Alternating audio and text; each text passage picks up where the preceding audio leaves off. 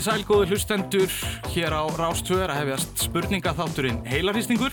Við ætlum að vera á dagskrá og lögadöfum hérna í vetur og í haust verður það stjætta bara það sem verður fastur liður hérna í heilarhýstingi. Við ætlum að fá fulltrúa hérna ímsu starfstjætta til að mætast hér í skemmtilegum spurningaviðuregnum.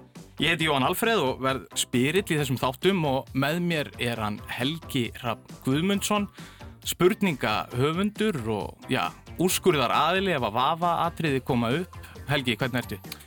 Ég er bara gríðarlega hess eins og hann barði í bangang sagði forðum Já. og uh, þetta er allt í góðum höndum bæði stiga varsla og þetta sótt varnir því að hér er svona metir á milli manna þannig að um það bil og öruglega rúmlega þannig að við erum bara í góðum málum Já, og þetta verður mjög skemmtileg viðurreikn hérna, þetta er sérst fyrsta viðurreiknin í þessari stjætta bartu, við ætlum að benda ykkur á það að við erum auðvitað að leita þáttakandum í þáttin og við hvetjum bara fulltrúa hvaða starfstjætta sem er sem að vilja vera með eða, eða fólk sem er jafnvel með ábendingar um skemmtilega keppmendur um að senda okkur tölvupóst á heilarhýstingur.ruf.is En við ákveðum nú að ráðast ekki á garðina sem hann er lagstur hérna í fyrstu viðregn vetrarins.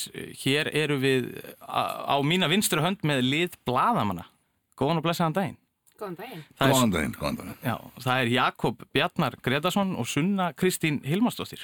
Gaman að fá okkur. Já, takk fyrir að fá okkur bara. Gaman að koma. Því líkur heiður að vera komin hingað í þennan, þennan gagmerka þátt. Já, eh, þið náttúrulega eru kollegar, ekki satt? Þið, þið starfið saman eh, á vísi. Jú, við hérna erum búin að vinna saman núna í hvað, hverjum degi í sex ár. Já. Kollegar og mjög góður vinnir og góðir samstarfsfélagar. Já. Algjörlega, á besta miðlinum. Já, það, það er vísir. Það er og- vísir, já. punktur is. Já, Og það þannig. hafið þið tekið í spurningaspiljavel eða eitthvað slíkt inn á milli? Það er nú stundum þegar það eru svona hérna djömm í vinnunni, þá er oft sko pubquiz.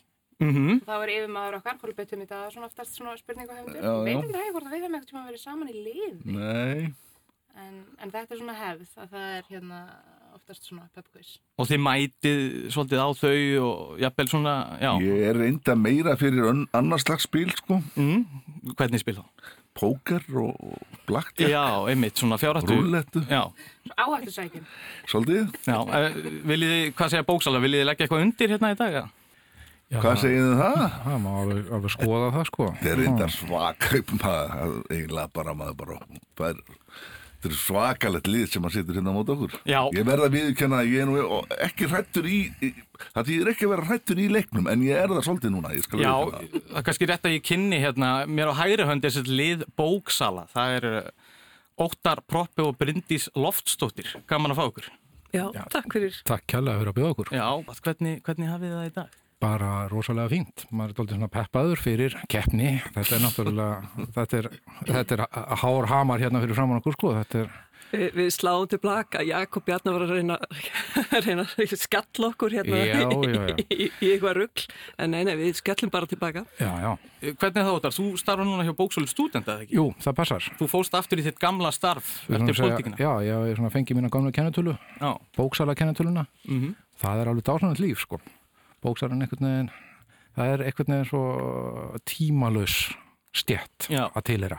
Þetta er svona eitt sinn bóksali, ávalt bóksali. Já. Já, Bryndís, þú starfa núna hjá bóka útgefundum, eða ekki? Jú, ég er hérna algjörlega á fölskum fósendum. Já, en, En samt ekki. Já, af því það að- er samt bóksala, eða ekki? Já, Og- nei, ég, sko, svo er ég eh, svona einu svona ári að yfirleitt með bókamarkað, Mhm. venjulega á lögadalsvelli, en af því að hann gekk pínu illa út af COVID þarna í mars, Mhm. Að þá vorum við að opna aftur í, í hörpu og, og þar verður bókamarkaði til 27. september, Já, þannig að ég er með sannum að segja, bóksali í dag, Já, já. bóksali um stund. Ég bóksali um stund. Ég heyrði það á blaðmennu, það var eitthvað smá uggur í þeim að finnst þetta að vera þunga þetta lið, eru þið mikið í spurningakeppnum eða? Nú voða lítið í svoleiðis. Nei, ég hef eitthvað tíðan verið göppuð í svona spurningakjarni svona eiginlega með nákvæmlega sama hætti og þú nálgæðist mig núna sko. Þetta er alltaf svona sagt að þetta verður létt og skemmtilegt og skiptir máli bara að vera skemmtilegur og ég kem alltaf í þessa spurningakjarni og hugsa bara ég er frekar svona skemmtilega og, og ég klóra mig út úr þessu og, og örglegt að ganga vel en það er aldrei neinn stig fyrir að vera skemmtileg. Ég ætla bara að koma að framfæri núna. Eh, Mér finnst þetta að vera svolítið í yfirlýsing um, um keppnis hérna. Þetta er oft aldrei svona sko. Já, Svo já. bara, já, já, þakki ykkur fyrir þetta var nú alveg, þakki ykkur fyrir að reyna. Heyrðu, ég vil nú bara minna, nefna það og minna, minna á það að Óttar er hérna sko margfaldur sigurvegar í, í spurningakeppni hérna hér að hana. Jú, það, jú, það, er- svo sem rétt, maður hefur alveg snert á þessu. Það er, ég, Hefur aðeins snert á þessu. Verið plataður í þetta. Það er vissulega Þetta rétt heitir og- og- hæglaskugróp. Já, já, við, þetta er þetta er einslu mikið fólk sem er hérna það er bara þannig á, á báða bóa keppnin verður held ég bara mjög skemmtileg og, og við, ég veit ekki hvort að hafið heyrt þættina hinga til en við höfum alltaf byrjað á svo kallari laga þrennu og það er sitt sitt hvort laga þrennan sem er borin upp á, á sitt hvort liðið og við ætlum að byrja á blaðamönnum. Það er sett beðum þrjú atriði og það er eitt stig í bóði fyrir hvert atriði, þetta er sett brot úr þremur lögum. Og að þessu sinni þá ætlum við að heyra þrjú lög sem að öll eru ábreyður. Þetta eru allt sem sagt ábreyður, coverlög. Og við viljum einfallega að vita hver flutti þessi lög uppalega, hver flutti þau fyrst. Og það eru blaðamenn sem að byrja, kjöru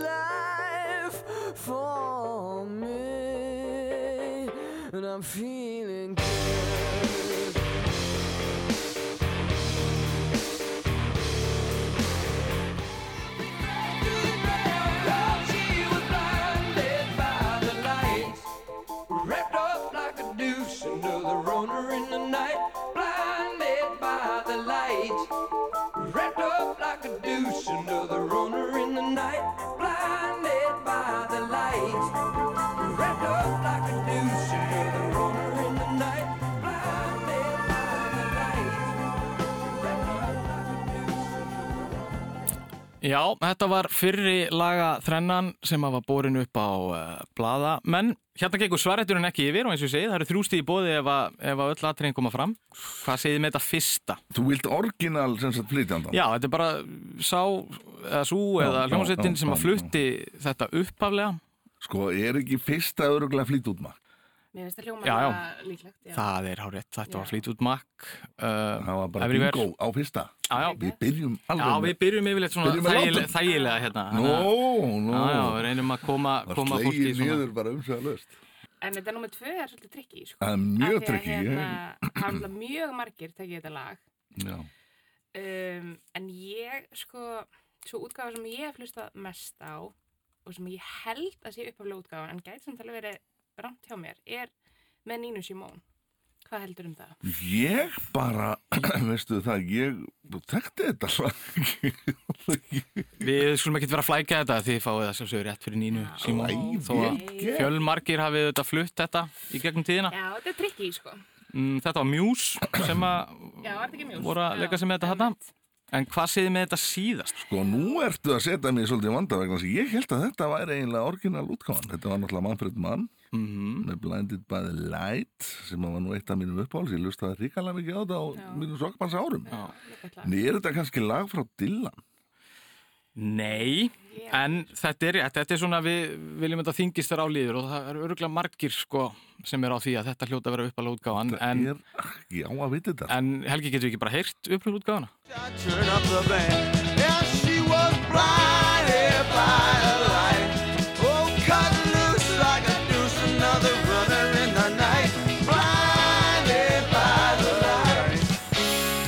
Kannski ekki margir sem að vita en þetta er Bruce Springsteen sem Þetta er Springsteen alveg.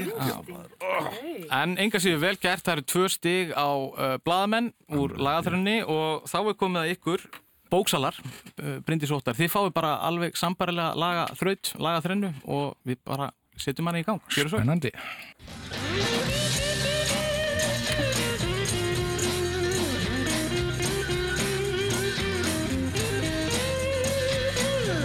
Must be some kind of way out of here. Said a joker to the thief. there's too much confusion. I can't get no relief. Businessman there, drink my wine. Plowman,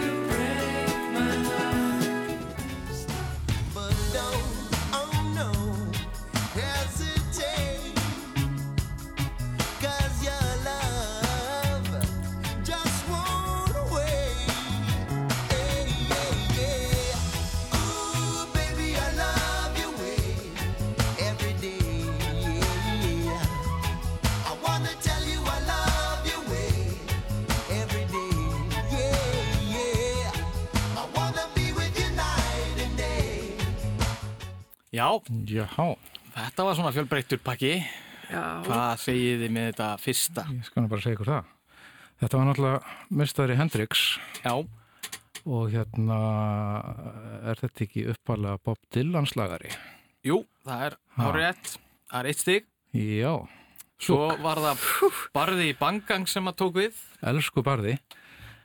Heyrðu, er, er þetta ekki, sko, þetta er, þetta er úr Motown vesmiðinni og hérna, ef ég mann rétt er þetta Smokey Robinson lag og heyrðu einhvern veginn svo skemmtilega sögaði þeir voru búin að vera að vandraðast með þetta í, í stúdíónu og gátt ekki fundið gott viðlag, sko. þá fór hann út með trommuleikarunum minni mig út í sjoppu. Og þar var eitthvað vesen eh, í afgreiðslunni. Þeir átti ekki fyrir því sem voru að kaupa eða eitthvað. Og fór að rífast og enda á því að trómmarna sagði Stop in the name of love baby. Og hérna og svo var farið í stúdíu að klára sko en var þetta ekki öruglega gefið út af Supremes? Það er hárétt. Já, Supremes, Diana Ross and the Supremes. og barði sko, þetta er náttúrulega Já, Já. það var mjög Perfect. flott útgáð hjá honum. algjör snild Þannig að það eru tvö stig, þetta gengur ágætlega hjá okkur. svo þingist þetta aðeins Já, svo erum við með kannski aftur með lag sem að fólk er ekkit endilega, mm, kveikir ekkit endilega á að, hafi átt sér upprunalegri útgáfu, sko. Já, Já, nú heyrist hljóður hodni hérna. nákvæmlega blaðamenn að æsa okkur upp. Þetta er alltaf skrítið lag sko maður hefur þetta í hausnum en maður hefur ekki hugmynd um hvaðan sko Já, þetta var svona ein, einsmellungur frá hljómsveitinni Big Mountain. Sko, það eina sem mér dettur í hug, ég veit ekki af hverju, þannig að nú bara svona er eitthvað random í hausnum á manni, sko. Hvort það geti verið að þetta lag sé eftir þennan vannmettna lagahöfund Nick Kershaw.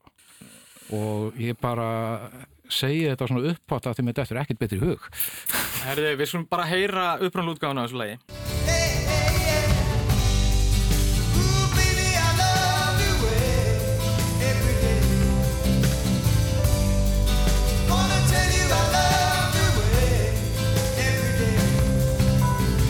Já, ég sé að Jakob Íðar hérna í skinninu, hann er alveg með þetta. Ég, Þetta er ekki Nick, sko. Þetta Nei. er, að- að- þetta er þessi gæja, hann var nú helviti flottur á sinni tíð, sko, með mikið lokkaflóð ljóst. Var Já, ykkur samkrölli við hérna Big Gees meiri segja og Robert Stigwood. Já, og seldi alveg óhemju Alveg svakalega, hann átti tvö, þrjú lög, alveg bara, og bara mest seldu liveplötu í söguna var það ekki. einmitt. En hvað hann heitir? Það Ertu með, uh, Jakob, er annað. ég, ég, er alltaf, ég er aðeins svo ungur hérna sko. Ha, Hvað hvað hann heitir? Ég eh, það er, það er, þið þekkið þetta moment, það er alveg hérna. Þetta er reyndar ég svolítið... sé hann fyrir mér sko, ég sé, Sérðu greið, ekki? ég sé greiðsluna sko. Ljóslegin, þetta var, hann var með að Hvenær kom vinur Báís. Já, já, já. Hvernig kom þetta lag út uppálega? Þetta er, þið þurfum ekki að ágjöra það er engin að... Frampton. Frampton, Peter Frampton, Þarna er- Peter Frampton. Nákvæmlega. Þetta var hann Peter Frampton sem að flutti þetta lag uppalega. Verkið. Þetta Heyrðu. haffiska mafían hafði þetta. á- á endanum. Ég ætla að stiga að hafna fyrir þetta. Þetta konum við svo sem bara ágætlega út en það er bara stál í stál, bæði liðin fikk tvö stík, þannig að staðan eftir laga þrjuna er, er 2-2 og þá er nú komið að svona nýjum lið hjá okkur að því að við erum í þessari stjætta baróttu að nú er það þannig að við förum í víkspurningar en að þessu sinni er þemað uh, stjætt anstæðingana þannig að við ætlum að byrja á því að bera upp á ykkur blaðamenn spurningu sem að tengis bóksölum Þið getur fengið tvö stig ef að svarið er rétt en ef að þið flaskið á því þá geta bóksalar stólið einu stíi. Þetta er geta Og svo snýst þetta stigi, já. sjálfsög við og, og bóksalar fá spurningu úr ranni eitthvað blaðamanna. Við skulum bara byrja á þessu. Nú vil ég fá að vita, verðlaun bóksala, blaðamenn, eru fyrir mörgum rítöfundum mikilvægasta hnoss sem hægt er að hreppa. Og nú spyrjum við, hvaða höfundur hlaut verðlaun bóksala fyrir skáldverk árið 2019? Það er að segja, hver hlaut verðlaun bóksala fyrir jólinn í fyrra, fyrir skáldverk árið 2019? Og var það ekki hún hérna Jú, var það ekki hún hérna, jú, jú, Svo þetta sé, já. jú, jú, jú, jú, jú, jú, jú, jú, jú, ég held það, ég held það. Ég held að já. Við ætlum að skjóta Já, á hanna Bergþóru Snæbjörnsdóttur fyrir bók sína Svínshöfuð. Það er bara mjög gott er hár rétt? Tvö stygg. Alveg rétt. Nákvæmlega. Þannig að nú uh, fá bóksalar sér sambarilega spurningu og uh, við viljum bara fá að vita hver gegnir nú starfi rítstjóra frettablasins. Já, da, da, da, da, da. Þetta hafa nefnilega verið uh, svolítið mannabreitingar á Já, undanförnum misserum, Kristín en- er farin. Uh, Ég sé hann aðeins fyrir mér en hvað maðurinn heitir hef ég ekki. Má ég teikna mynda á hann? Það má reyna allt, sko. Já, já, en það, er ekki við sem að hjálpi. Þetta er ekki að koma. Nei, því miður. Þetta er bara... Hérna gæti verið smá sveibla því að bladamenn fá sér að reyna við sér og stela einu stíi. Þetta er náttúrulega Kolbrún... Skuggarriðstöri. Nei, Jón, hann heitir Jón Þórisson. Jón Þórisson. Jón Þórisson. Það er rétt, það er eitt stíg fyrir... Fyrir geðu Jón. Afsakið. Uh, herri, við ætlum að fara í valflokkana og uh, á blöðum fyrir framann ykkur eru með, uh, þeir eru með tvö blöð með, með tveimur valflokkum og ég ætla að byggja ykkur um að snúa við blaðinu sem mert er uh, einn, það er fyrirumferðin. Og í þessari fyrirumferð fá blaðamenn að velja fyrst þið velji spurningu, svarið henni og svo fá bóksalar sambarlega spurningu, svo velja bóksalar og svo í setnum fyrir þá snýst þetta við og það eru bóksalar sem að fá að byrja. En sagt, valflokkarnir í þessari fyrirumferð eru vinnutitlar fyrir bíómyndir, tímaflakk, stórblöð og íþróttafélög út á landi. Hvað segir þið með þetta? Þetta er, wow, hann maður. Það sprettur fram á mér svitinn á enninu og, og, og hnúarnir á mér hvítna. Þetta er svo skeri. Hvað líst þér besta? Megum við velja fyrst? Við ekki velja fyrst? Já. Sko, nú er, við myndum kannski að uh, velja stórblöð, sko. Og það er hægt við því að þau viti reyndar allt um það, svo sem. Já. Já, svarið fyrir um fer yfir. eða Já, já, það, já, þannig að það getur svo sem verið alls konar leikjafræði í þessu sko. Íþróttafélag út á landi veit ég mjög stópult um. Ég veit ekki einu sinni hvað þetta vinnutitlar fyrir bíómyndir er, nýja heldur tímaflakk. Nei. Nei, það eru svona obskjúr hérna. Það er obskjúr, Já. þannig að sko að spurt fara... er sko, ég held að, ég held að sko, ég held að þau viti nákvæmlega ekkert um íþróttafélag út á landi. Þannig að við þurfum einhvern veginn að reyna að tefla þetta þannig að þau lendi þar.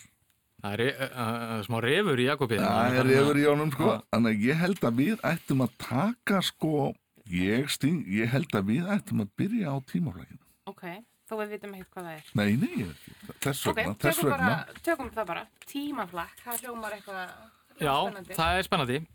Það er sem sagt fyrir spurning, tímaflakk. Tímaferðalög eru efni ótilandi bóka og bíómynda. Segja má að hugmyndin um slík ferðalög þar sem personur og leikendur ferðast fram með aftur í tíma með hjálp tímavila hafi fyrst orði vinsæl með skáldsögunni Tímavélinni eftir H.G. Wells. Á streymisveitum glápa nú margir á þýska þáttaröð um dulafulla atburði og tímaflakk í bænum Winden. Hvað heita þessi þættir? Já. Ekki þú þetta eitthvað? Nei, ekki mikið sko, en einu vinkona mín var að tala við mig um þessa þetta. Ok. Þeir eru á Netflix, held ég að vera glæða. Og ef að ég ber ótakmarkaði vinningu, fyrir einhvernum þá er það vinkonuðinu. Já, emmi, það er mjög gott. Það er þig. Hérna, ég held að þetta, þetta er allavega, ég held að þetta sé þýskur þáttur. Hann er rosa vinsæll, eða var það allavega í sumar og Já. í hófinu held ég. Sounds good to me. Hvað, hérna? Já, ég, þetta er mjög, þetta er gisk sko, út af því að ég er rosa lítið fyrir svona, hérna, tímaflaks, sjónvarp og bækur og allt agalegt. Ég ætla að segja hann eitthvað dark þessi þáttur. Það er bara mjög gott giska. Það eru tvö stík. Vel gert. Þetta uh, fer bara vel af stað hérna hjá blaðamönnum, en það er nóg eftir og þið fáið sambarlega spurningu um tímaflagg, bóksalar. Spennandi. Diana Gabaldon er bandarísku rithöfundur. Frá árinu 1991 hefur hún sendt frá sér bækur í bókaflokki sem sífælt stækkar. Hann fjallar um 20. aldar hjúgrunafræðingin Claire Fraser sem fer í tímaflagg til Skotlands á átjándöld. Gríðar vinsæli sjónvastættir byggður á bókunum hóðu göngu sína árið 2014 og eru enn í framleiðslu. Hvað heitir bókaflokkurinn og sjónvastættir einu nafni? Já, ég skal segja ykkur það. Ég er alveg klúles. Já, bóksalinn í mér kannast við höfundin og bækurnar hennar eru yfir eitt ofsalegi dóðrandar mann ég.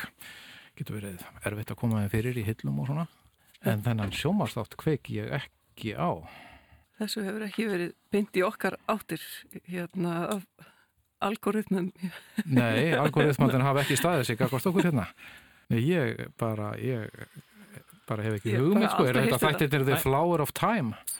Þetta kemur ekki, hvað segja blaðamenn fyrir eitt stygg? Jakob, ertu með eitthvað? Ég bara... bara... Nei, ég bara... Lítur þetta ekki að vera einhvers konar sápa bara? Já, tímaflagg til Skotlands á átjánduöld. Ég bara Sýnist þetta ekki vera þetta? Uh, herriði, þetta er sérst bókaflokkurinn og sjónvarsendinir Outlander. Outlander. Já. Ég er svo sem tek undir með ykkur, ég, ég þekkti þetta ekki sko. Það er nú Ég bara held að það væri jeppar. Ah, Við lengra gefið- komin en það. Við, við höfum gefið rétt fyrir Jappan líka, ef út í það farið. Ég fer, fer heim og kíkja á þetta í kvöld. Hérna, þá komað ykkur, bóksalar, þið veljið næst og uh, þið eru þarna með íþróttafélög út á uh, landi. Já, Jakob hann er eitthvað að reyna, og- reyna að plata okkur til þess að velja það sko. En og ég, vinnutitlar fyrir bíómyndir. Það hljómar einhvern veginn rosalega gáulegt sko, vinnu til það fyrir bíómyndir. Með, með við þyngt spurninga þá manni- þetta gjörsanlega hérna, ósvaranlegt. Manni dettur náttúrulega ekkit í hug sko, þannig að það er, er það ekki fyrir einhverju. Tökum það. Það hljómar vel. Og þetta er skemmtilegu flokkur, vinnutitlar fyrir bíómyndir. Bóksalar stundum grípa kvikmyndaframlistu fyrirtæki til þess ráðs að nota þykistu titla við tökur á bíómyndum. Til dæmis þóttist George Lucas framlega hryllingsmynd undir nafninu Blue Harvest þegar hann gerði þriðju stjörnustíðismyndina, The Return of the Jedi, til að villa fyrir æðstum aðdándum og fjölmunum. Um miðjan tíunda áratugin ferðaðist frægur kvikmyndaleikstjóri til Nova Scotia í Kanada og kvikmyndaði þar borgar ísjaka í gríð og erg. Hann let fjölmjöla vita að hann væri með vísindaskáldsögulega mynd Planet Ice í smíðum. En hver var þessi kvikmynd í raun og veru? Heldur að þetta hafi ekki verið bíómyndin Titanic? Jújú, þetta var Titanic, uh, þetta var hann James Cameron sem að var að villa á sér heimildir með því að þykjast vera að taka myndina Planet Ice þegar hann var í raun og veru að vinna Titanic. Ekki það Planet Ice er góð hugmynd. Já, það hefur nú verið fín mynd líka. Já. Ég hef alveg verið til að sjá hana. Uh, Þetta er Attenborough-legt. Já, svolítið, einmitt. Þetta eru tvö stig og blaðamenn því fáið sambarlega spurningu. Undir lok 8. áratugurins fann Dan O'Bannon handritshöfundur nýrar geimmyndar ekkert betra nafn en Starbeast og átti bíómyndin lengi vil að heita það. En sem betur fyrir líklega var ákveð að myndin fengi annan og stittri titil þegar hún kom út árið 1979 og hrætti bíógesti um allan heim. Hver var sá titil? Lítur það ekki bara að vera alien? Jú, Alien, þetta er ekki ská. Það er Alien, tvö stig, þetta kom allt saman og hérna og það kom það ykkur, núna snýst þetta við og það eru þið sem að fá það að velja núna í setni valflokkaumferðinni Já. og uh, uh, setni valflokkanir eru uppbytunarbönd Íslandsugunar, eldgós, metsölu bækur með Íslands tengingu og forrit. Já. Þetta er náttúrulega spennandi. Skemmtilegt. Og nú hefum við að fá að velja, sko. Þannig er náttúrulega tveir flokkar sem að heyra svona daldið til okkar, metsölubækur og, og uppbytunabönd farði í uppbytunaböndin en heldur að Jakob veit ekki allt um það sko. það, er, mm. það er spurning sko. Ég veit ekkert um þetta. Æ, ja.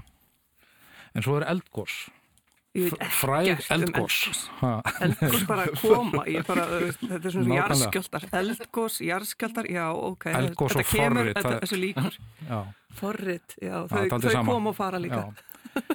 hvað segir þið, er það meðsölubækur eða uppbyrnabönd, hvað segir myndis? Meðsölubækur með Íslands tengingu, það er eitthvað við það. Það er eitthvað, En það getur náttúrulega en það verið verður svo rosal, rosalega nýðurlægandi þegar við getum það ekki. Já, látum ekki fréttast um sko. förum, förum buguð hérna út úr efstaleitinu. Kannaðist ekki við. Fyrir mynda okkur, Jakob tók mynda okkur Já. saman og ég veit hvað hann ætlar Þekktu að ekki. Þetta fólk vissi ekki, Já, nákvæmlega. kaupa þekkti ekki þessu. Ætli uppbytunaböndin sé þá ekki örugara val? Að sé líka bara frá? skemmtilegra, við verum að reyna eitthvað á okkur. Já, Við myndum get- rúlla hinu. Nákvæmlega, auðvitað, nákvæmlega, reynum þetta. Já, þetta er skemmtilegur flokkur, uppbytunabönd Íslandsugunar. Hljómsveitin Botleðja var ein allra vinsælasta rockljósett Íslands á tíunda áratugnum. Damon Alban í Blur hrifst af hafnfiskupiltunum og bauð þeim með á tónleikaferðalag um Bretland árið 1997 og við heyrum brott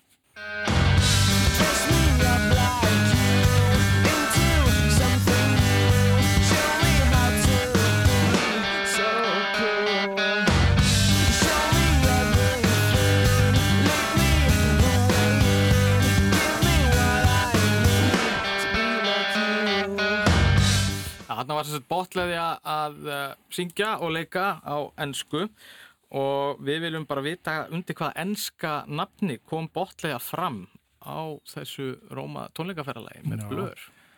Þarna tóku hafðfyrringarnir sér bara til og, og þýttu nafnið sitt alltaf vel yfir, sko, botlaðja, kalluðu sér silt. Það er hár rétt, tvö stig. Vel gert. Þetta er eh, góðir maður, Nákvæmlega, Flott alveg óskilan þetta er skildi ekki að hafa bara tekið þetta alla leið, Já. rosalega flottir. eigað eftir. Er eigað eftir. Og þið fáið það sjálfsög sambarlega spurningu, blaðamenn. Uh, Dave Grohl og félagar hans í bandarísku rocksveitinni Foo Fighters heimsóttu veitingastæðin við fjöruborðið á Stokkseri í ágúst 2003. Þar heyrðu þeir hljóðið í rockíturum og trommuleik í félagsmiðstu bæjarins skamt frá ákvaða líta við. Þar var við æfingar bílskús hljómsveit sem skipuð var 15 og 16 ára drengjum. Það heyrum brott. Jack, Jack, Jack, Jack, Jack, Jack it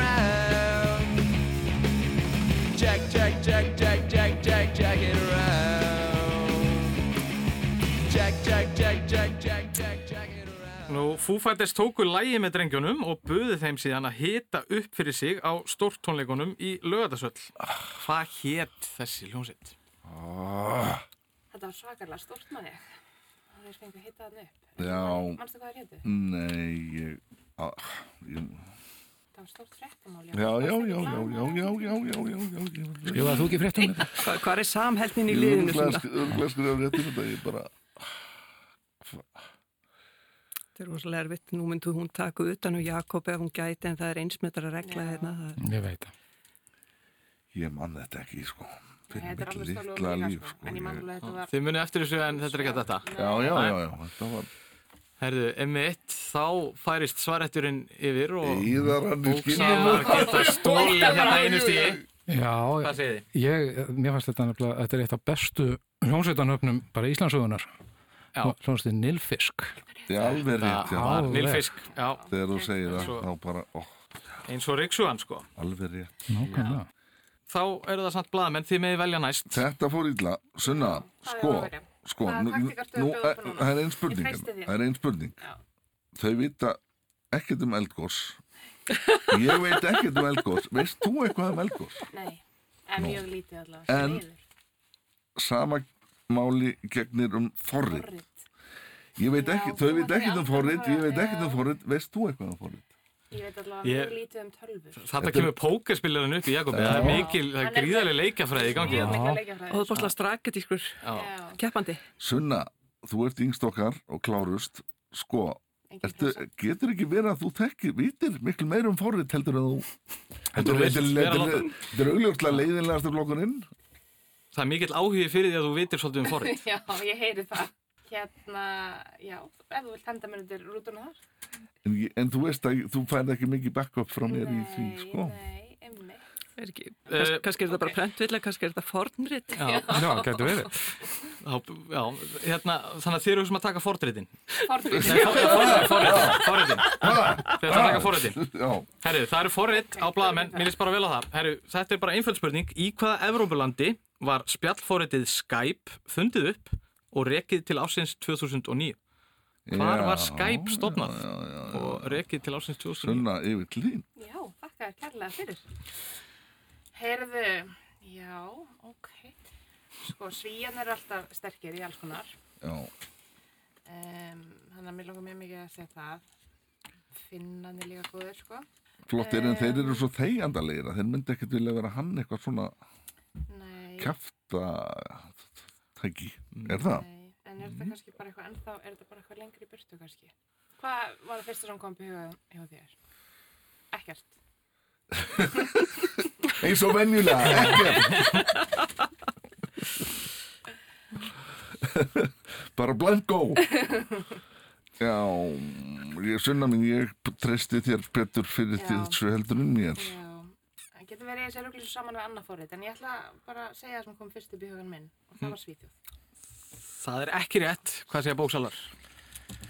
Uh, ég er nú á s- þetta er svipuðum stað við, maður kannast við að hafa heyrt talað um að þetta væri einhver staða frá. Já. en hvaðan það er? Svíþjóð var ágætist til Já, tilhugsun. Svíþjóð, ég ætla ekki í Holland en Já, ég, en svo sé ég einhvern veginn fyrir mér föðum en föðulegan segja mér það er komið forrið sem einhver ungir menn í, minn okkar að segja, Tjekklandi fundu upp eða kannski hefur mig dreymt þetta er það kannski eitthvað, Tjekkland? Tjekkland, ég ætla bara Já, að fylgja þér í því. það er ekki rétt. Ah. Sunna var kannski nærsu, þetta var Ísland. Þetta er Ísland. Ísland. Herriði, þetta var Ísland, en þið fáið sambarilega spurningu. Fyrirtækið miðeind EHF þróar Radforit sem skilur og talar íslensku og líkist Apple-fóritinu Siri. Hvað heitir það? Já, Hvað heitir Radforitið sem fyrirtækið miðeind EHF er að þróa sem skilur og talar íslensku og líkist Apple-fóritinu Siri? Þetta hef ég heyrt. Uh, ég maður hefur svo sem herti ímislegt, já já, ég, þetta kemur ekki. Það er alveg fullkomlega utan míns áhugaðsins. þetta er ekki Sirri, já, alveg. Sirri eða Sigurlög Nei, ég svei mér hvað, hvað er snjált Þetta er ekki að detta, heyrðis mér. ha, Þetta er eitthvað svona fimmstafa nafn, eitthvað stutt, þjált, íslenskt, en samt alþjóðlegt. ég ég man. bara Askja, uh, uh, uh, eskja, Eskja það. Eskja Nei, upp á, á austfisku Nei, ekki það er ekki rétt í miður. Hvað segir þið? Eru þið með þetta? Ég var einmitt að hugsa þetta svolítið eftir svipuðum leiðum og þau að það væri kannski bara sirri eða eitthvað en, en ég held að sunna sér með miklu betur tilgátu. Ég veit þetta ekki. Já, það er endar ekki eitthvað mjög stutt og þjált og alþjóðlegt, sko. Það er bara þetta verkefni sem er í gangi núna. Allir eiga að fara á almanurómur.is og tala íslensku og Mm. kenna Mhm. tölvum að ta hlusta og tala íslensku. En ég veit ekki hvort að forritið heiti það sama, sko. En ég ætla það bara að segja almanurómur. Það er ekki rétt, en þetta er, auðvitað, þetta er svo sem alveg uh, rétt hugsað hjá þér að, þetta, þessi verkefni tengjast. Uh, sko, þið voru grátlega nátt þessu. Já, Af því að þið sögðu eskja Eskja og þið sögðu fimmstafa, þetta er nefnilega embla. Ah, vissi að það var e. Auðvitað. Þess vegna leiðrétti. Nákvæmlega En ég gæti miður ekki rétt fyrir eskja, það var embla og hérna... Skur og embla, sjáðu, við vorum næstu um þetta. Næstu því En bóksal eru nú eitthvað búin að saksa á, hvernig er staðan Helgi áður en við förum hérna í síðustu spurninguna fyrir auglýsingar?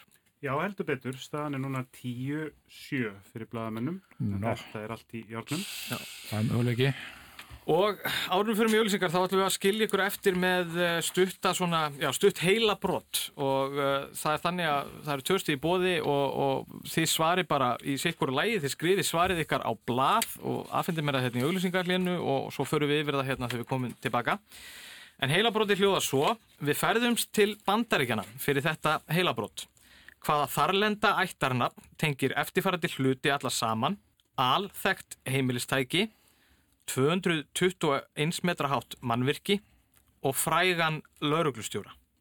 Þannig að við erum að leita af þarlendu ættanafni sem tengir saman alþekkt heimilistæki, 221 metra hátt mannvirki og frægan lauruglustjóra. Hugsum þetta á meðan við förum í auglýsingar við komum aftur eftir skamastum. Takk.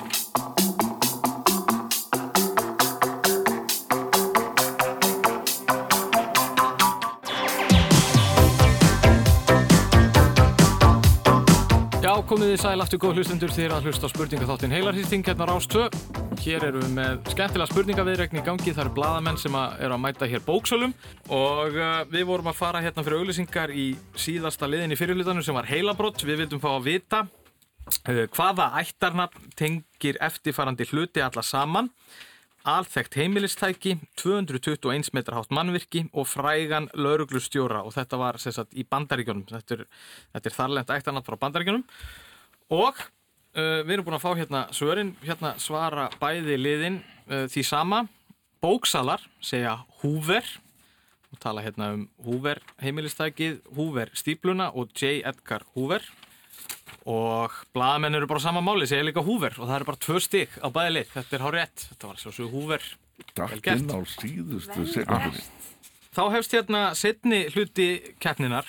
Það er nú þannig að við sendum ykkur skjál með ímis konar uh, sérsviðum eða þemum sem að keppendur velja sér núna í þessum setni hluta. Það fá allir keppendur fimm spurningar úr þemanu sem að þau völdu sér og uh, þetta virkar þannig að við ætlum að hoppa á milli liðana. Svarrétturinn gengur ekki yfir en uh, liðsfélagi má hjálpa keppanda ef honum rekur eitthvað í vörðuna með sitt þema. Og þetta eru sem sé fimm spurningar sem þið fáið úr sérsviðunum ykkar sem þið völduð ykkur í setni hlutanum og það eru fyrir fyrstu tvær spurningar þegar gefið eitt stig það er eiga svona að teljast nokkuð þægilegar svo koma tvær aðeins þingri, gefa tvö stig og í lokin er það þingsta spurningin sem að gefur þrjú stig og hver er staðan Helgi, svona árið lengra er haldið árið við förum í setni hlutan Jú, staðan er, e, bóksarar eru með nýju stig en blaðamenn 12 en það getur margt gerst hérna. Já, heldur betur, það getur mjög margt gerst. Ég held að það séu hvað um átján stig í pottunum fyrir hvert lið þannig að hérna, þetta verður bara mjög spennandi. Og uh, við ætlum að fá að heyra aðeins hvaða, hvaða sérsvið að þemu uh, Capital Völdu sér, byrjum á þér sunna þú fóst bara í okkar, okkar allra bestu konu eða hvað? Já, ég fór hérna í hana Björk Guðmundsdóttur. Það er rauninni eina svona manneskjan eða eina, já, sem ég fengið eitthvað á heilan þegar ég var unglingur. Já, Þá bara las ég allt sem ég komst yfir. já, Og hérna hlustaði mjög mikið á hann þegar ég var í mennskóla. Fór á allan tónleika sem ég gerði þetta enda. mhm, Mjög mikið aðdáðandi. já En hérna svona síðustu ár hefur svona, Guðni tekið meira yfir. já, fórseti Íslands tekið meira yfir. Já, það var, það stóð með Guðina og Bjarkar.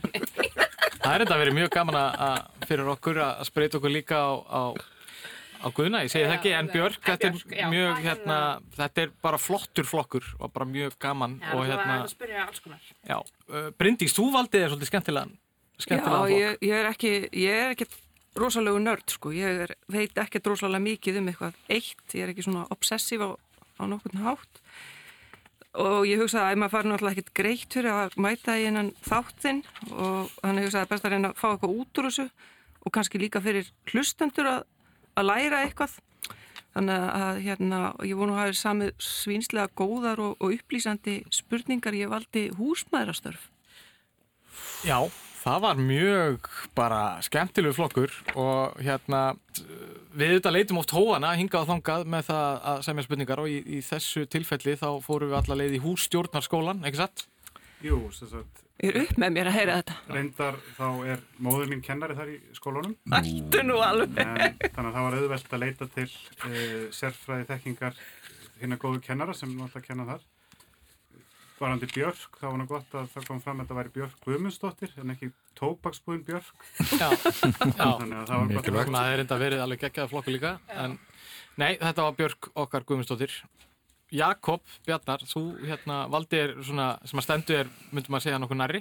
Já, ég var ekkert að segja vatnið yfir leggin. Ég valdi mér sem sagt fjölmiðla á Íslandi sem sagt með áherslu á gulupressuna eða tabloid eða sem sagt götublöð sem hafa verið kallað svo hér á Íslandi. Akkurat Og þetta er nú eiginlega, það er, er þarna fiskur undir steini. Ég, sko, það eru mjög viðvarandi viðteknar ránkugmyndir um fjölmiðla á Íslandi og ekki síst þetta fyrirbæri sem er tabloid. Þannig að þetta er í raun og veru svolítið svona, svolítið svona rannsókn á mér. Hvað kemur upp úr durnum hjá spurningahöfundi varðandi þetta? Alltaf í sömu leikjafræðinni hérna hérna. úthugsa. Það, hérna, það er aldrei að vita nema að þér takist að afhjúpa einhverja ranghugmyndir hjá okkur spurningahöndum um, um Til þessi, gulu leikur, til pressuna. þessi leikurinn gerði. Já, þetta verður bara skemmtilegt, það verður mjög gaman að að heyra Þetta- þetta hvernig er spurningar- hjá þér. Já, Ég lúmskur maður. já, þetta er skemmtilegt agenda En hérna, uh, Óttar, þú valdið þér líka skemmtilega flokk. Ég held að það sé minna agenda hjá þér í því heldur en hjá Jakobi. Já, ég veit það ekki sko. Ég, þegar, ég fekk þetta framann í mig sko að þá hérna þá fór ég að reyna að hugsa um hvernig sko maður er svo rugglaður í þessu COVID-i og svona í setni tíð.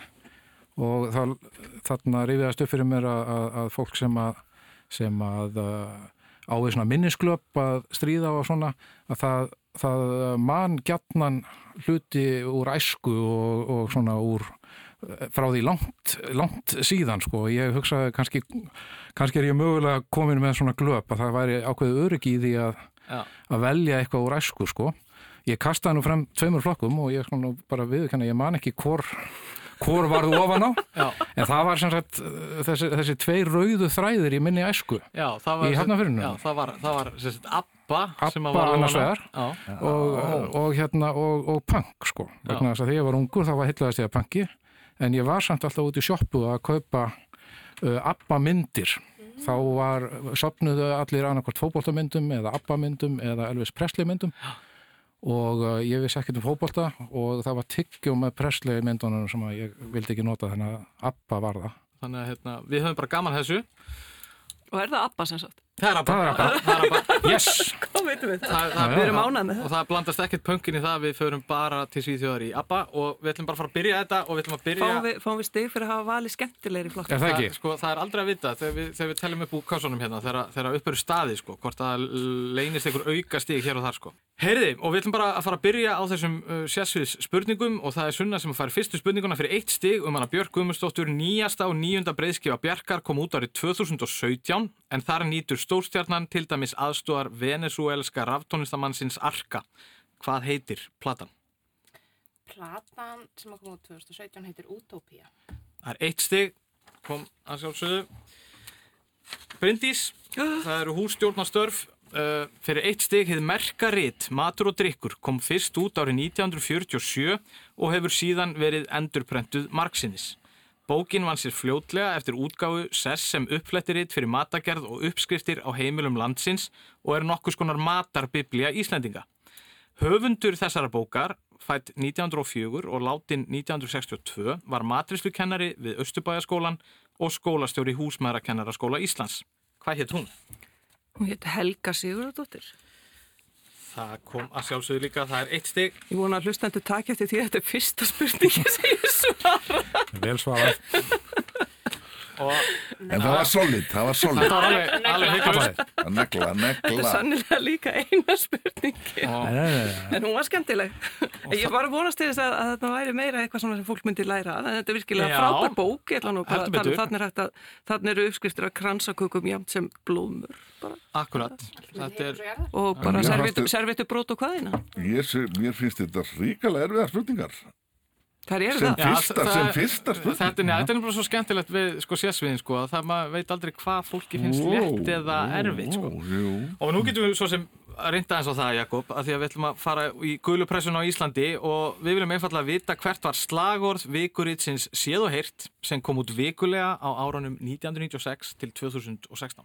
uh, bö, bö. Varstu þetta? Slagorð séð og heyrt. Já, uh, Nei. ég var nú aldrei viðriðin það tiltekna blað. Sjá- Sjáðu myndina. Sjáðu myndina. Það var reynda mikið tekið sko. Ég held að það hefði verið með ímis, en var eitthvað, var eitthvað undirtitill eða eitthvað svoleiðis? Já. Ég veit. Fréttir af fólki? Nei. og heyrt. Wow. Ég manna allavega ekki. Nei, bara, ég verð bara að segja pass. Þetta kemur ekki, þetta var gerir lífið skemmtilega. Já, alveg rétt, maður, alveg rétt. Séð og heyrt, gerir lífið skemmtilega. Alveg rétt, maður. Sem það svo sannlega gerði. Já, eftir sjá Það verður ekki- það hefur verið mjög leiðilegt síðan Ég er að geta nefnt fyrstur ístur að þess blaðs. eins og það.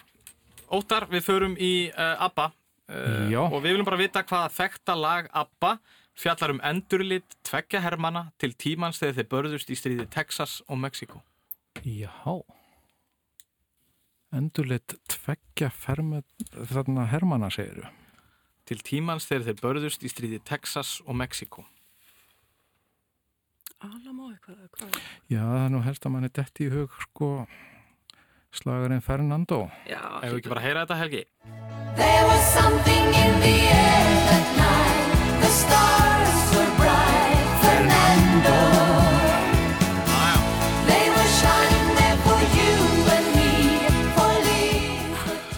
Þetta er eina sem ég hefði getað út Já. þessari fyrstu umferð. Þetta var auðvitað selt í sjoppum í Hafnafjörði. Já, já, við hafningandi þekkjum okkar appa. Herri, við höldum þá bara áfram, við erum ennþá í, í fyrstu umferðin sem gefur eitt stig, Sunna uh, fyrir eitt stig um hana Björk. Björk hefur á ferli sínum endur nýtt tónlist úr ymsum áttum til að vefa inn í tón heima sína og við ætlum að heyra smá brott.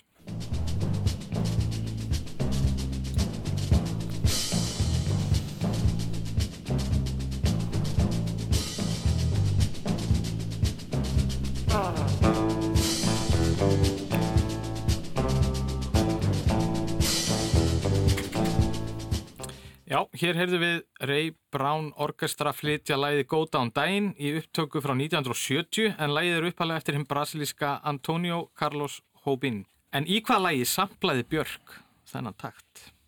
Mm, það myndi vera í Human Behavior. Skulum bara heyra þetta. If you ever Já, já. Þetta kom að sjálfsögðu, þetta var Human Behavior og þá förum við yfir til þín Bryndís. Það er önnu spurning um hússtjórnastörf. Hvaða gamla íslenska orð er notað yfir ofin ullarteppi sem gott er að liggja undir á köldum dögum? Hvaða gamla íslenska orð er notað yfir ofin ullarteppi sem gott er að liggja undir á köldum dögum? Jáhá. Þetta er eitthvað yfir ofin ullar teppi. Svona uh, bara voð eða voð uh, í raun og veru. Voð, hvað segir þú? Voðmál. Voðmál. Þetta er, uh, já, þetta, þetta er nú eiginlega að koma hjá okkur sko. Það er hérna, Voðmál, voð, voð. já, sem Nei, sagt, mér er svona- nú vanta alveg framan við þetta óð. Já, Já, værðar voð er það er Já. það er eitt stygg værðarvoð. Takk hérlega. Takk fyrir Jakob. Þetta, þetta upp úr óttaríma. þetta hefði nú heldur ekki farið yfir sko, þannig að. En þetta var eitt stig, uh, vel gert. Um tíma Jakob átti séð og heyrt sér samkeppnisæðala. Blað sem gefið var út vikulega samlega Devaf og var sett á fót árið 2005. Útgáfan var nokkuð skamvin en deilur við Bubba Mortens vegna fréttar í blaðinu sem endaði fyrir domstólum er kannski eftirminnilegast í sögu þess. Hvað hétt þetta blað? Eh, Þetta var nú blað sem var undir ítstjórn Garðars, Arnar, Úlfarssonar, sem er núna fréttastjóri á, á fréttablaðinu. Hæ, eh, þetta er nú ekki góð titill, ég held mér minnir að það heiti bara hér og nú. Hér og nú, eða? Það er rétt. Það er eitt stig. Hér og nú. fallin Bubbi málið er náttúrulega já. afar aðtilsvert mál. Já. Það er góðsagnakent. Við, Mál. og þá aftur yfir í Abba, Óttar. Uh, Skemmtilegast. Já, þetta, við förum aftur í, í katalógin. Hvaða lag ABBA af plötunni ABBA The Album gekk undir vinnuheitinni Billy Boy en titill og texti lagsins var vist til í einum af hlaupatúrum Björns Úlvegas. John McCain, sem var gríðar mikill ABBA aðdáandi, falaðist eftir læginu sem þemalagi fyrir frambóð sitt til fórseta bandaríkjana árið 2008 en það reyndist vist of dýrt. já. Þetta er góð spurning af því albúm, segiru. Þetta er 1978 sem að Já. það. Nú væntalega ekki lagið I'm a Marionette, sko. Allavega ekki miða við John McCain. Og ég skildi þetta að vera Thank you for the music, það náttúrulega er dálítið heitt, sko. Knowing me, knowing you var þarna einhver staðar líka. En Take a chance on me, getur verið að það hafi verið á albúm. Við skulum bara heyra lagið. Take a chance, take a chance, take a, take a chance, chance. Honey, I'm still free. Take a chance on me. Mér finnst svo svolítið góð pæling á John McCain sko, að vera með þetta sem, sem svona ofinbera kosningalag. frambóðslæði sko. Allavega betra en Thank you for the music sko. Já, en það er enda líka verið mjög svona, það er, verið, það er komið utan að kanti, það er verið mjög gott sko. Þetta er meira baráttulag, sko. Nákvæmlega. Herra, við höldum áfram, það er aftur yfir í Björksuna. Björk hefur frá sigumóla árunum verið að mála hjá bresku útgáfufyrirtæki. Þetta fyrirtæki breytti nýlega um nafn en sakvað tilkynningu var svo breytingarði ljósi aukinar umræðu um kynþáttahattur í heiminum í kjölfar andláts George Floyd í bandaríkunum. En hvaða útgáfufyrirtæki er þetta? Þetta er útgáfafyrirtæki sem að hétt One Little Indian Mm. um, en ég man alls ekki hvaða breytti nafninu sínu í. Manstu það? Nei, ég man það ekki. Ég held ég að nú, við skrifum og settum þetta mál. Grammit? Nei, Ég bara, ég veit ekki hvað þau breyttu nafninu sínu í. Eh, ég bara man það ekki. Þetta er vissulega One Little Indian. Í dag heitir það One Little Independent. En við gefum ykkur eitt stig fyrir þetta. já, Þið fáið uh, eitt stig af tveimur. Þannig að hérna, nú erum við komin í tveggjastæðarspurningarnar. Þannig að þetta, þið fáið eitt stig hér fallegt af ykkur gert, drengir. og við höldum áfram Bryndís. Uh, þessi er stuttulega góð. Í hvaða grein hannirða verða til stuðlar? Í hvaða grein hannirða verða til stuðlar? Ég ætla að skjóta á í hekli. Það er bara hár rétt, tvö stig. Hún er að sulla upp þessu Já, já, já. stóti. Hún er með þetta. Er nekla að fæta annar hérna? Herðu, og við förum aftur í gulu pressuna, Jakob, fyrir tvö stig hvaða vikublað sem fyrst kom út árið 1948 og var starrækt í um þrjá áratugið undir stjórn Agnas Bógasonar hefur að mörgum verið talin fyrsta íslenska gula pressan. Það var hitt allræmda, illræmda, líkum við að segja mánudagsblað. Það er mándagsblæðið. Jú, jú, það er hárið tvö stig. Hefur eitthvað kynnt þér sögu þess? Ég, þetta Já, þetta já. er svolítið svona áhuga, á, áhugavert, sko. Mjög áhugaverð saga þar að baki. Já, Agnar var náttúrulega ævintýralegu maður. Það, uh, sko það fór þeim sögum af einmitt mánudagsblæðinu og Agnari að hann hafi hreinlega sko selt umfjallanir sem sagt það er að segja að hann myndi ekki byrta þessa tilteknum frétt ef hann fengi sæmilega greitt fyrir það. Það byrta já, ekki. Þannig að þetta var svona semi-blackmail eða svona fjárkúun sem hann var sagður hafa stundað þetta, hann var nú drikkveldur sjálfur en þetta er mjög aðteklisverð að saga. já. En var hann alltaf bara, var alltaf sami? Var Já, hann var stóð einn í þessar útgáfu, Já, ok. meir og minna. Já. En það merkilega var og, og það er nú kannski að sperra eru bóksala, er að þarna var mikil og merk hérna, menningar umfjöllun og, og einhverjum að sérlega hérna, rítdómar. Nákvæmlega. Hann stopnaði, hann stopnaði til dæmis sko félag hérna, leiklistar rínenda og er í raun og veru kvatamaður þess að, að hvað silfurlampin var hún var að koma út. Vá, fylgur fróðleg smóli. Já. Takk fyrir Þannig að þetta er, þetta er merkilegur maður. Já, þetta var mándagsblæðið, þetta er áhugaverð saga og svo förum við aftur yfir í Abba Óttar. Já. Abba hefur auðvitað komið í sögu í kvikmyndum, þáttum og bókum eins og vera ber með jafn stóra hljómsveit. Hljómsveitin var þá gífulega vinsæl í Ástralíu en það var einmitt rauðu þráður í ástralskri kvikmynd sem kom út árið 1994 og naut nokkura vinsælda. Myndin sagði frá ungri konu leikna af Toni Collette sem áheldur erfitt uppdráttar í litlum bæ í Ástralíu en eyði tíma sínum í að hlusta á Abba-lög og dagdreima um brúðkaup sitt í framtíðinni. Hvað hétt þessi mynd? Þarna var ég nú alveg komin í keng sko. Þangað til að þú kláraðir spurninguna.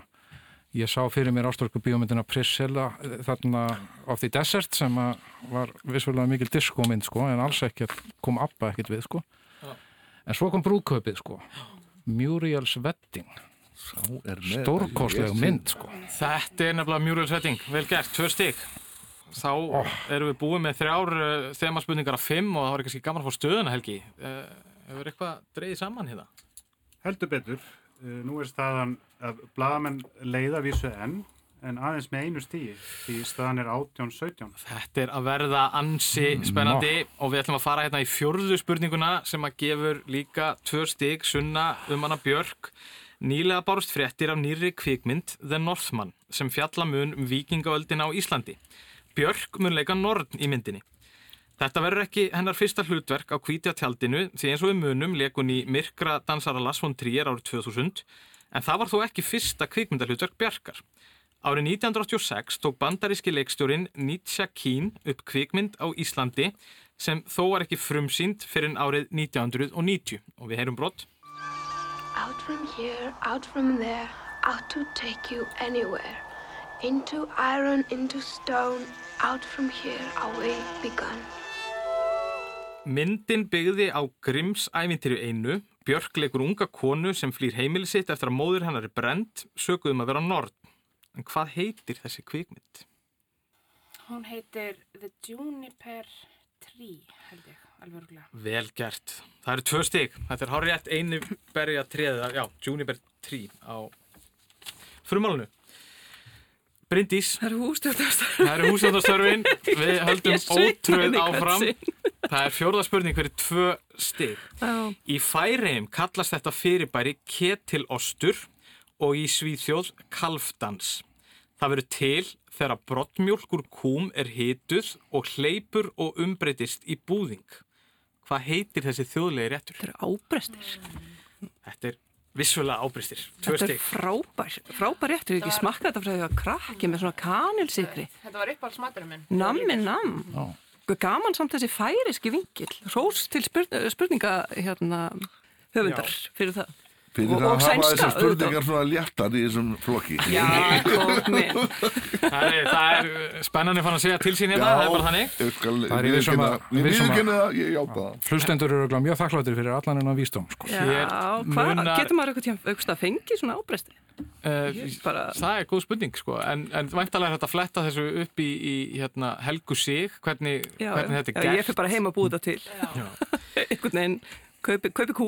Herði, við förum í gulupressuna aftur, það er fjórða spurning fyrir tvö stig. Devaf var öruglega umdeildasta blað landsins árun 2046 en hermt er að blaðið hafi verið kveikjan að sjónvastætti nokkrum þar sem Saratök Áskeistóttir leikur blaðakunna Láru sem ræður sér til æsifréttablaðs og lendir í kjölfarið í óvæntri og spennandi atbyrðarás. Þættirnir hétu pressa, voru síndir á stöðu 2 en hvað hét þetta ímyndaða blað í þáttunum þar sem Lára starfaði?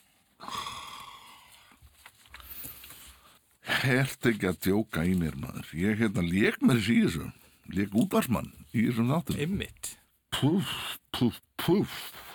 Ég bara, guð minn góður, þetta var algjört. Aukatrið, þeir skrifuðu þetta Óskar Jónasson og Sigurum Kjartansson. Þó- sníglast á rítstjórninni einmitt þegar þeir voru að vinna þessu handriti. Akkurat, þetta voru bara flottið þættir. Mm, Manst þú þetta eitthvað? Sunna, getur þú eitthvað?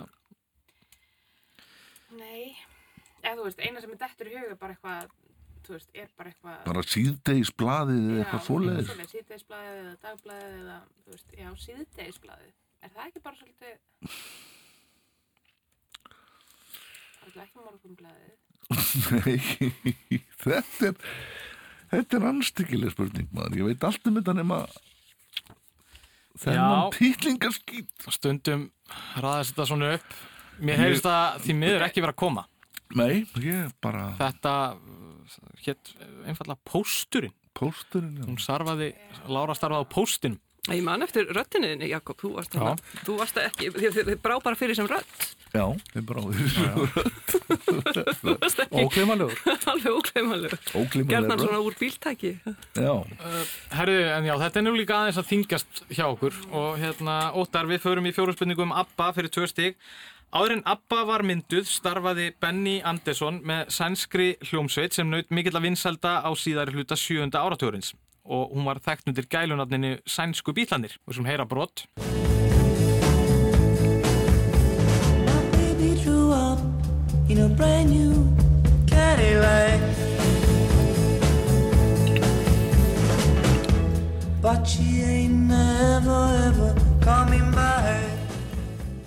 Já, hann Björn Úlfeus starfaði jafnframt um skamma hríð með bandinu árin bæði Benny og Björn yfirgáðu bandið árið 1969. En hvað hétt þessi hljómsveit? Man þeir gerðu lítið úr þessu sko Ég held að Benny á einhvern tíma sagt að þeir hafi hljómað eins og fótbrot sem er svona einhver ömulegasta lýsing á, á músík sem ég hef heyrt en var þetta ekki hérna, var þetta ekki hennir frægu Hepstars Það eru tvö stygg Hepstars er hárrétt og En auðvitað hljómar betur en fóbrot með þennan, þetta brot.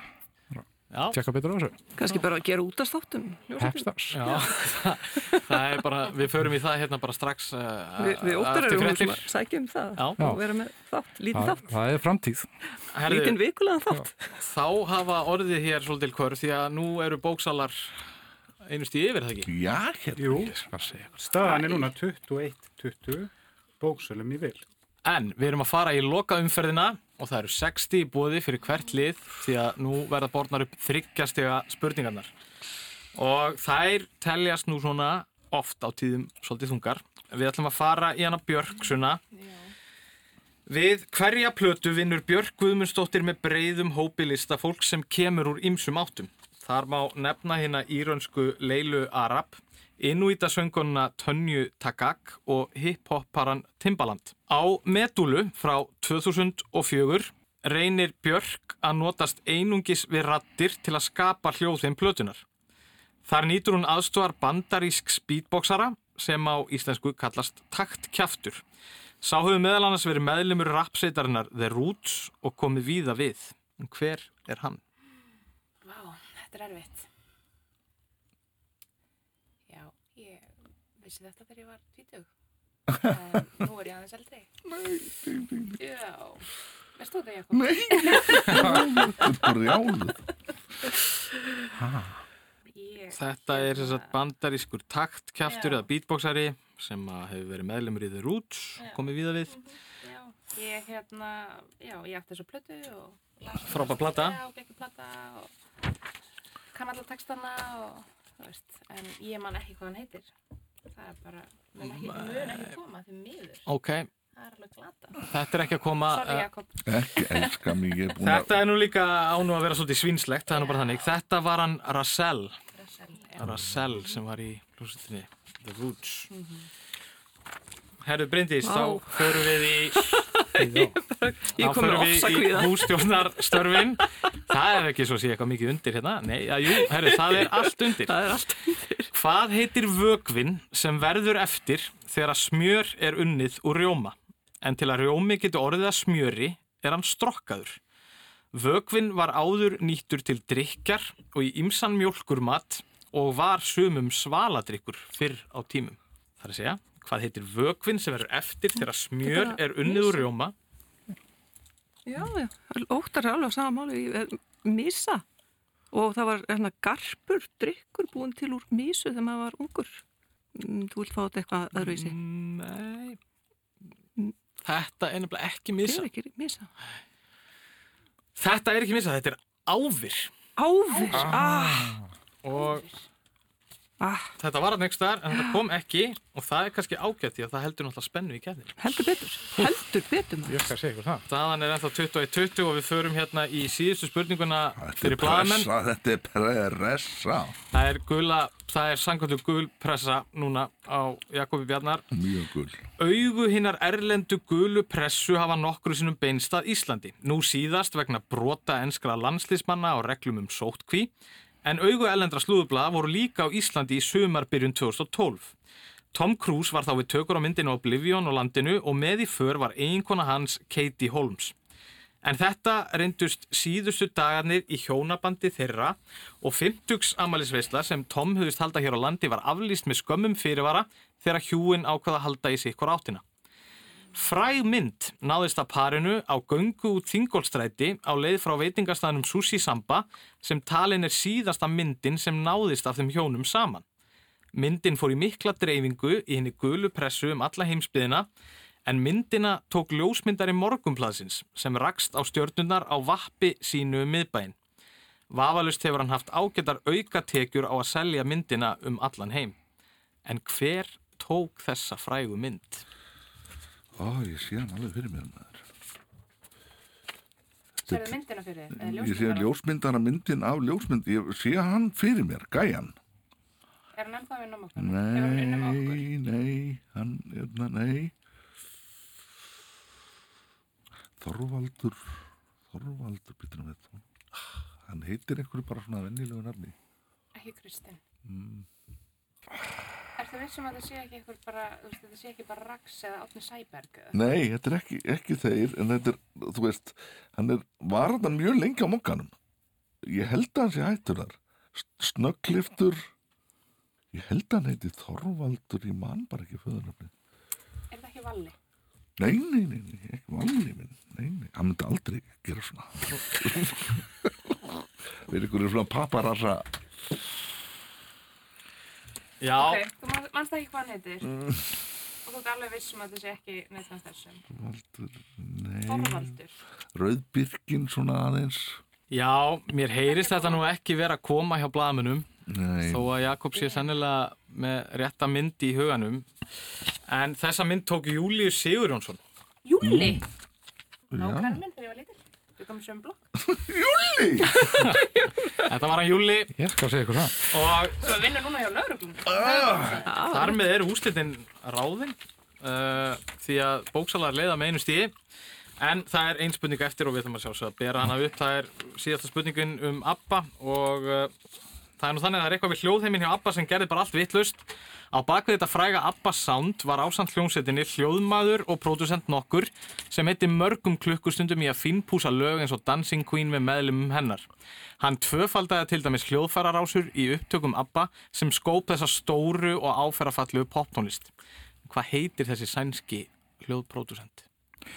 Hérna, ég þykist vita þetta.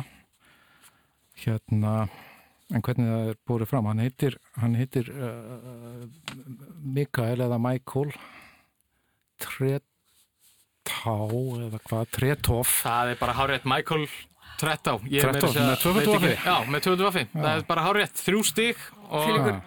Já, við fengum, við vorum í sambandi við hann, við fengum svona velþóknum frá honum þegar við hamverjar vorum að, að taka upp okkar ábyrða af. Já, Að við komumst ekki nær góðanum með það, sko. heldur Þannig að við náðum einhverju sambandi við þennan. Þetta er góð sög. Hann er alveg magnaður, sko. Þarna uh, skastu nú Jakob líka aðeins úr snurunni því að, því að jafnvel ef að Július hefði dottið þá hefði óttar silt þessu heim með, Nefnilega. með svarinu hérna. nefnilega sko Já. En þetta var ótrúlega jöfn og spennandi og skemmtileg viðreik. Uh, við þurfum að fara að segja þetta gott í dag. Það var ótrúlega gaman að fá ykkur. Það eru bóksalar sem að báru sigur og bítum í mikill spennu hérna í loka umferðinni. Takk kærlega fyrir okkur í dag. Við heyrumst aftur á viku liðinni. Takk.